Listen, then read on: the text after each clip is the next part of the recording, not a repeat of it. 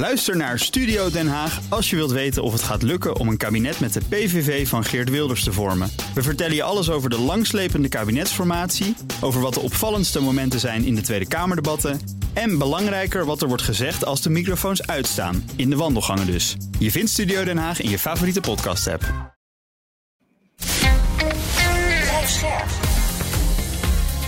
BNR Nieuwsradio. Boekenstein en de Wijk. Conor Klerks. Welkom bij Boekenstein en de Wijk. Het is maandag, dag 390 van de oorlog in Oekraïne. Dag heren. Ja, goedemorgen. Goedemiddag. Arend Jan, uh, zullen we het hebben over de situatie op de grond? Ja, um, Oekraïne heeft de afgelopen 24 uur uh, maar liefst 69 Russische aanvallen uh, moeten verwerken. Uh, met name natuurlijk Bakhmut, Liman, Avdivka, uh, Mariinki en, en Shakhtarsk, dat is allemaal de Donbass. Hè? Mm -hmm. um, en het gaat om zes raketten, 13 luchtaanvallen. Als dat wordt gezegd, dan wordt waarschijnlijk met MIGs bedoeld of zo. En 56 raketsystemen. Wat bedoelen ze daarmee, uh, Rob? Raketsystemen? raketsystemen, ja, ik denk dat het lanceerinstallaties uh, zijn. Ja. Uh, met, met de raketten erbij. Ik denk dat dat het is.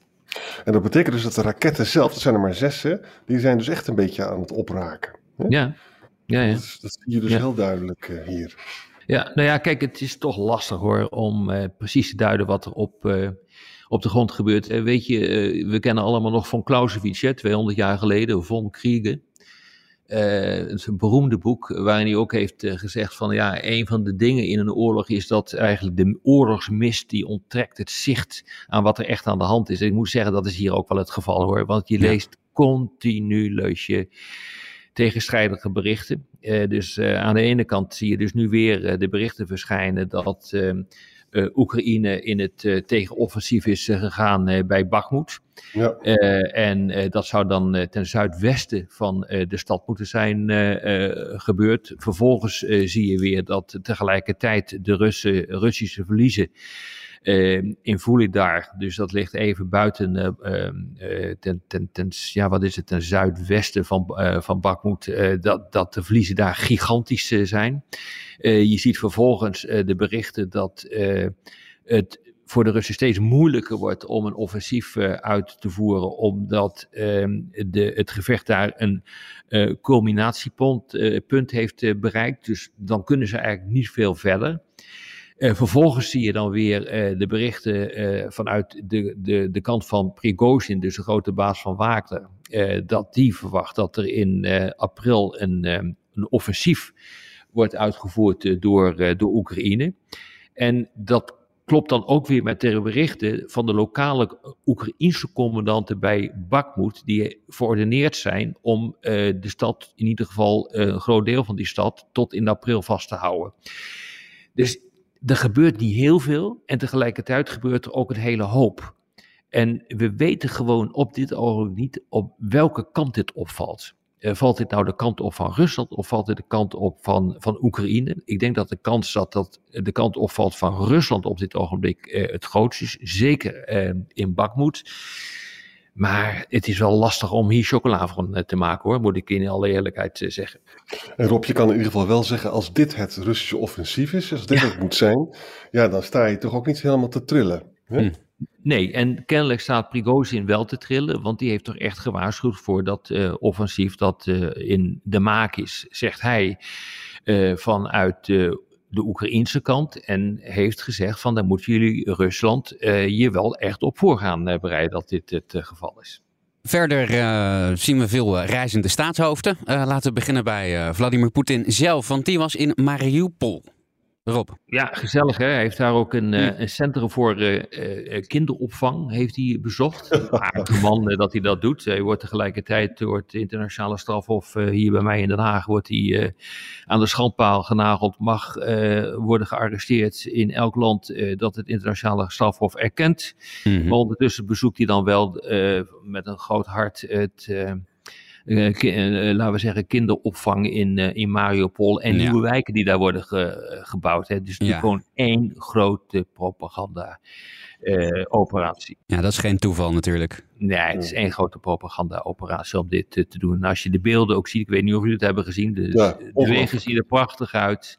Ja. Hij schijnt ook een auto te kunnen rijden, laat ook eh, andere auto's keurig voorgaan. Dus eh, er is verkeer op straat in Mariupol. Eh, de flats waar tussen zich heeft eh, laten, eh, eh, laten filmen, die zien er ook prachtig uit. Iedereen blij. Maar je moet denk ik niet 200 meter verderop gaan kijken. Hij bezoekt dus een- zo'n hele mooie flat met prachtige deuren en zo. En er is ook een mevrouw, die komt dan haar deur uit. En dan zegt hij van, oh mevrouw, ik, ik mijn excuses aanbieden dat ik u nou zo onaangekondigd hier langskom.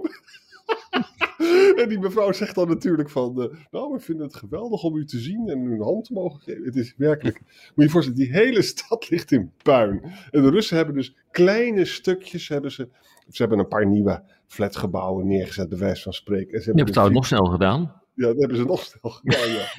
maar als je boven, met de helikopter boven Mariupol gaat, gaat hangen, dan zie je gewoon een soort eh, begraafplaats. Hè? Het is echt, Ja. het is zo erg wat hier gebeurt. De, de moeder van alle propaganda is dit. Nou ja, dit is propaganda ten voeten uit. Ja. Nou ja, goed. Ik bedoel, eh, hij heeft zijn punten kunnen maken. Hij heeft eh, duidelijk kunnen maken dat hij eh, met zijn autootje door eh, Mariupol kan toeren. En dat hij dus niet eh, uit zijn auto geschoten wordt. Dus hartstikke veilig in dat eh, gebied. En eh, allemaal dankzij eh, de Russische troepen. Dat, dat is denk ik de boodschap die wordt uitgedragen op dit ogenblik. Ja, hij werd ook een beetje, een beetje uitgelokt hè, dat eh, Zelensky en eh, Biden bijvoorbeeld in, eh, in Kiev waren, maar dat, eh, Ja. dat, dat Poetin zich niet aan het front durfde te, te tonen. Nou, dat heeft hij nou ook niet gedaan. Want Mariupol ligt niet aan meer aan het front. Hmm. Het front ligt een paar honderd kilometer naar het, eh, eh, naar het noorden. Ondertussen eh, krijgt Vladimir Poetin bezoek van zijn collega uit China. De president Xi Jinping die is voor het eerst sinds de Russische inval in Oekraïne naar Rusland afgereisd. Gaat hij onder andere praten met Poetin over de, de oorlog, de samenwerking tussen de twee landen. Hij is er nu. Het bezoek duurt tot en met woensdag. Wat verwachten jullie ervan? Nou, dat, dat laatste is nog steeds heel moeilijk. Maar het is wel, het is, het is wel fantastisch eh, om, om te smullen voor, voor mensen die van geopolitiek houden. Want hij moet natuurlijk. Kijk, waar, waar hij eigenlijk mee bezig is. eh, China is natuurlijk een heel machtig land. Het is ook een heel eh, economisch krachtig land geworden. En ze, en ze hebben ook allemaal kritische grondstoffen. Daar hebben we vaak nog over gesproken. Maar wat nog een beetje mist, is de soft power. Hè? Nou, China heeft natuurlijk in het Midden-Oosten een onvoorstelbaar goed resultaat gehaald. Namelijk door uh, Saoedi-Arabië, Soenitisch en het Sjiitische Iran bij elkaar te brengen. De waarheid is of dat die landen al heel lang met elkaar spraken en dat uh, China op het laatste moment er dan bij kwam. Maar goed, het is, het is een geweldig resultaat. Nou, nu, als het, als het hem zou lukken, we denken, iedereen denkt dat dat mislukt en dat er, dat er geen staakt het vuren komt. Maar als hij het zo weet te draaien dat op de lange termijn er toch mensen weer aan tafel gaan zitten, zonder dat er nou zo heel veel uitkomt, dan is het eigenlijk al voldoende voor China. Hè? Want dan heeft China dat gedaan ja. en niet, niet Amerika. Nee, dat is en, absoluut waar. En dat vind ik echt ongelooflijk interessant. Nou, verder jongens, nog ook heel interessant. Poetin heeft weer een artikel geschreven. Je weet, dat heeft hij ook gedaan uh, in 2021, van 30 ja. pagina's over de geschiedenis. En nu heeft hij dus een stroop op de mond verhaal uh, over China. En met de zinnen erin van, kijk, we hebben een hele speciale band met China en ook met Xi, is fantastisch. We hebben een partnerschap. En die Russisch-Chinese relaties zijn veel beter dan die Koude Oorlog-relaties. Want ja, want dan is dat altijd zo in die Koude Oorlogsbanden, is natuurlijk dat, dat is niemand die, is altijd iemand die continu orders uitvaardigt. En en ook altijd iemand die dat moet gehoorzamen. En wij hebben een band waarbij niemand continu orders uitvaardigt. En iedereen altijd naar elkaar luistert. Hè? Dus zo'n mooie tik tegen, de, tegen de, de, de, de internationale wereldorde geleid door uh, Amerika. Hè? Nou, zegt hij ook van ja, we zijn zo geweldig met elkaar. We hebben die Siberisch-Russisch-Chinese gaspijplijn hebben we gedaan. En we, we, exporteren heel veel olie naar China. Daar zijn we de Chinezen heel erg dankbaar voor. En we willen beide een veel, veel rechtvaardiger multipolaire orde. Hè? Gebaseerd op internationaal recht, daar komt het. Hè? In plaats van regels die alleen maar de behoeften van de gouden miljard, de golden billion, dienen. Dan heeft hij het denk ik over de kapitalisten of zo. Hè? Hmm. Nou, wat je dus gewoon heel erg ziet, is dat uh, uh, Poetin er alles aan doet om China te paaien. Uh, ik zag net op Twitter ook een, een, plaatje, ik weet niet of het waar is hoor, waarbij dus ook Poetin knielde voor, voor ik zie, ik geloof dat niet, want in werkelijkheid... dat kan echt niet. Dat kan echt niet hoor. In werkelijkheid was het zo dat dus de, de, de, de deputy prime minister van sport, die heeft dus, ik zie van uh, het, het vliegveld Vunovoka gehaald. Uh, en, en, hij moet zelfs nog, hij kwam om één uur aan en hij moet nog tot vier uur wachten voordat hij met uh, Poetin kan praten. Mm. Maar, maar reken er maar op dat, dat, dat Poetin hoopt dat hij meer steun krijgt dan nu. Hè? Nou ja, kijk, weet je, Arjan, ik, ik vind het, uh, ja, jij weet het ook niet wat daar precies besproken wordt. Maar laten we nou even teruggaan naar dat roemruchte stuk wat Xi heeft verspreid met zijn puntenplan, 12 puntenplan voor ja, vrede. Ja. Um, nou, punt 1, ik ga ze niet allemaal doorlopen hoor, maak je geen zorgen. Maar respecteer de soevereiniteit van het land. Ja. Nou, het zou misschien wel aardig zijn als uh, uh, ik zie tegen Poetin zegt van vriend, uh, misschien zou het toch wel handig zijn om de soevereiniteit van Oekraïne te respecteren. Ja. en dan heeft hij er ook nog eens een keer in die paragraaf 1 achter gezet dat dat volgens de beginselen moet zijn van de Verenigde Naties, het handvest van de Verenigde Naties. Nou, dat gebeurt dus niet. Dan vervolgens zegt hij in punt 3, ja, de vijandelijkheden moeten worden gestopt. Nou, dat zou denk ik ook niet zo'n slecht idee zijn om daar maar eens over na te denken. Ja. En dan moeten dan vredesonderhandelingen komen. Punt 4. Nou, dat is misschien ook nog wel een aardig idee. Ik denk dat er wel een beetje te vroeg komt op dit ogenblik, maar uiteindelijk zal het moeten gebeuren. Dus alles wat hierin staat, in die twaalf punten, daar kun je moeilijk nee tegen zeggen. Het is misschien niet helemaal het moment om een aantal van die dingen nu uit te voeren, maar het is oké. Maar wat, hoe, hoe, als je dit op papier zet, wat ga je dan in godsnaam bespreken met Poetin? Ja. want dit is allemaal conform het internationale recht. Eh, dit is allemaal eh, taal eh, die heel veel mensen ook in het Westen toch willen horen.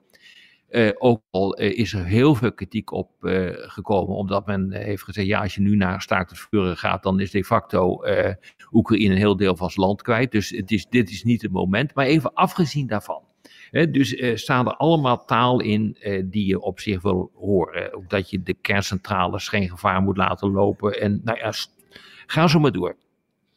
Maar wat, wat heb je dan nog voor, voor beweegruimte uh, om uh, om, laten we zeggen, 100% de Russische kant te, te gaan uh, kiezen en de oorlogsinspanning tot, tot in de dood te gaan, uh, te gaan steunen. Maar is dat, is dat wat G wil, denk je, Rob? Ja. Uit, uitsluitend de Russische kant kiezen? Ja, ik denk dat hij, en wat Arjan ook heeft gezegd, dat hij uiteindelijk toch een truc wil uithalen die vergelijkbaar is met uh, wat hij gedaan heeft tussen Saudi-Arabië ja. en Iran. Als hij dat nog een keer, als hij die truc hier nog een keer uit kan halen, en hij heeft ook aangekondigd dat er een gesprek komt met Zelensky na het uh, gesprek met uh, Poetin. Ja, weet je, als hem dat zou lukken op een of andere manier, ja, dan heeft hij wel een, een diplomatieke overwinning geboekt die echt ja. grensloos is.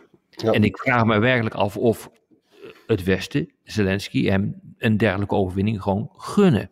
Exact. Als we even kijken naar Zelensky, hè, wat, wat is er voor hem te winnen in een gesprek met uh, China? Nou, op dit, dit moment, uh, Zelensky zegt gewoon zelf van ik wil alleen maar praten als de Russische troepen worden teruggetrokken. Dus met andere woorden, met Zelensky valt niet goed te praten op dit moment. Ook omdat hij militair waarschijnlijk vorderingen hmm. kan maken. Wat ik verontrustend vind is het volgende. Hmm. Kijk, uh, China spreekt over internationaal recht, hè, maar wat ze ook zeggen is van ja, maar het is toch ook schandalig dat de Amerikanen zoveel wapens leveren aan Oekraïne. En eigenlijk heeft het Westen gewoon, dat, die Russische propaganda neemt China een beetje over. Hè? Ja. Amerika moet daarmee stoppen met die wapenleveranties. Nou, als je dat een beetje tot je door laat dringen, dan kan je dus ook tot een situatie komen van. Ja, het Westen is, is minstens zo fout als, eh, als de Russen eigenlijk. Hè? En dus moeten we, moeten we ook zo gaan schaken dat, uh, dat Rusland nog een stuk houdt. En dan komt het, dan zal Zelensky dat afwijzen. En dat betekent, jongens, en dat is zo interessant. Wij weten dat Scholz, Macron en Biden zijn eigenlijk al maanden bezig om tegen Zelensky te zeggen van nou we moeten op een gegeven moment moeten we toch wel gaan praten, denk je niet? En, en wat militair ga je het toch niet helemaal redden. Hè? Nu wordt Zelensky misschien door China in een positie gemanoeuvreerd dat ze dus de spelbrekers zijn, dat ze zeggen we willen niet praten. En dat is ongunstig voor de positie van Zelensky ten aanzien van het Westen ook. Dat is wat ik een beetje zie Uh, ja, zou, zou goed kunnen. Zou goed kunnen. Kijk, en tegelijkertijd weet je, um, volgens mij was de Politico uh, uh, die vorige week geschreven heeft over beperkte wapenleveranties en onderdelenleveranties, onder andere van drones van China aan Rusland. Dus die, die steun is er wel degelijk. we zien nu ook dat er nieuwe cijfers zijn gekomen, ook grondstoffen computerchips worden nu door China aan Rusland geleverd. Belangrijk zowel voor de civiele industrie als voor de militaire industrie. 8% meer olie afgenomen van, ja. van Rusland. 50% meer gas afgenomen. Dus de, de gaten die worden geslagen door de sancties en door olie- en gasboycott van het Westen, die worden deels hiermee gedicht. tegelijkertijd zie je dat er een deal is gemaakt met Lukashenko er komt een, een Belarusisch en Russisch centrum voor de ontwikkeling van onderdelen die kunnen worden gebruikt voor um, geïntegreerde circuits, elektronica. Uh, dus onderdelen ook zeg maar van ehm, elektronische componenten. Daar wordt dus nu een gezamenlijk centrum voor opgericht. Ook met doel om de klap van de sancties uh, te verminderen. Dan denk aan halfgeleiders bijvoorbeeld, Rob? Ja, exact. En die komen, die halfgeleiders, die chips, die komen dus al uit China. Uh, niet de allerbeste, want China krijgt die zelf niet, maar toch gebeurt het. Maar ja, als je tegenwoordig uh, chips en wasmachines moet slopen om een raket te kunnen lanceren, dan is elke chip denk ik er één. Ja. maar het, je ziet wel uh, dat er op dit ogenblik coalities beginnen te ontstaan uh, van landen, China, Belarus, Iran, uh, die echt uh, uh, Rusland aan het steunen zijn. Dus hoe dat hier doorheen fietst, met betrekking tot die, dat bezoek van Xi en een mogelijk vredesinitiatief, dat is mij echt volstrekt onduidelijk. Ja. Maar nogmaals, ik ben dus echt bang dat Zelensky, de druk op Zelensky wel eens heel groot kan worden. Want hij, hij, moet dat dan afwijzen als er een soort compromis komt. Hè? Maar eigenlijk wil Biden dat er wel iets gaat gebeuren. En Macron zeker en Scholz ook. Dus ik vind het ongemeen spannend wat hier gebeurt. Ja. Tot nu toe uh, lijkt hij niet bijzonder gevoelig voor druk, hè? Nee, nee. En dat, hij kan binnenlands politiek zit natuurlijk ook helemaal vast. Dat begrijp ik ontzettend goed. Ja. En dat argument, weet je, er zijn zoveel mensen gestorven. Dat had je in de Eerste Wereldoorlog. Die kan je toch niet verraden en zo, weet je wel. Ja. ja. Zo gaat dat dan. Het kan ook zijn, jongens, dat ik het helemaal verkeerd zie hoor. Dat gewoon dat China helemaal niets bereikt. Hè? Dat, dat we gewoon straks over een paar weken niet meer over praten. Kan ook. Ik, ik, ik, ik, ik denk dat die kans uh, uh, vrij groot is hoor. Ja. Ik denk dat die kans vrij groot is. Maar ja, laten we maar even kijken wat er vandaag en morgen precies uit de bus komt. Ja, ja het bezoek uh, duurt tot woensdag. Dus ik denk dat we woensdag wel de balans op kunnen maken. Ja, dat denk ik ook. Hey heren, er is nog uh, één ander onderwerp wat, uh, wat we eigenlijk niet over kunnen slaan vandaag. Dat is namelijk uh, het feit dat het vandaag precies 20 jaar geleden is dat de Amerikaanse inval in Irak begon. Ja. Maar daar hebben we ook een luisteraarsvraag over, dus kunnen we ook morgen doen. Ja, laten we dat morgen maar doen, want we hebben nu zo lang gepraat al over ja, Wat niet onbelangrijk is, laten we dat morgen maar doen. Oké, okay, dan zie ik jullie morgen, heren. Tot morgen. Tot morgen. Ook Hugo Reitsma vind je in de BNR-app. Superhandig die BNR-app. Je kunt alle programma's live luisteren, breaking nieuwsmeldingen. Je blijft op de hoogte van het laatste zakelijke nieuws. En je vindt er alle BNR-podcasts, waaronder natuurlijk de belangrijkste, Boeken zijn in de Wijk. Download nu de gratis BNR-app en blijf scherp.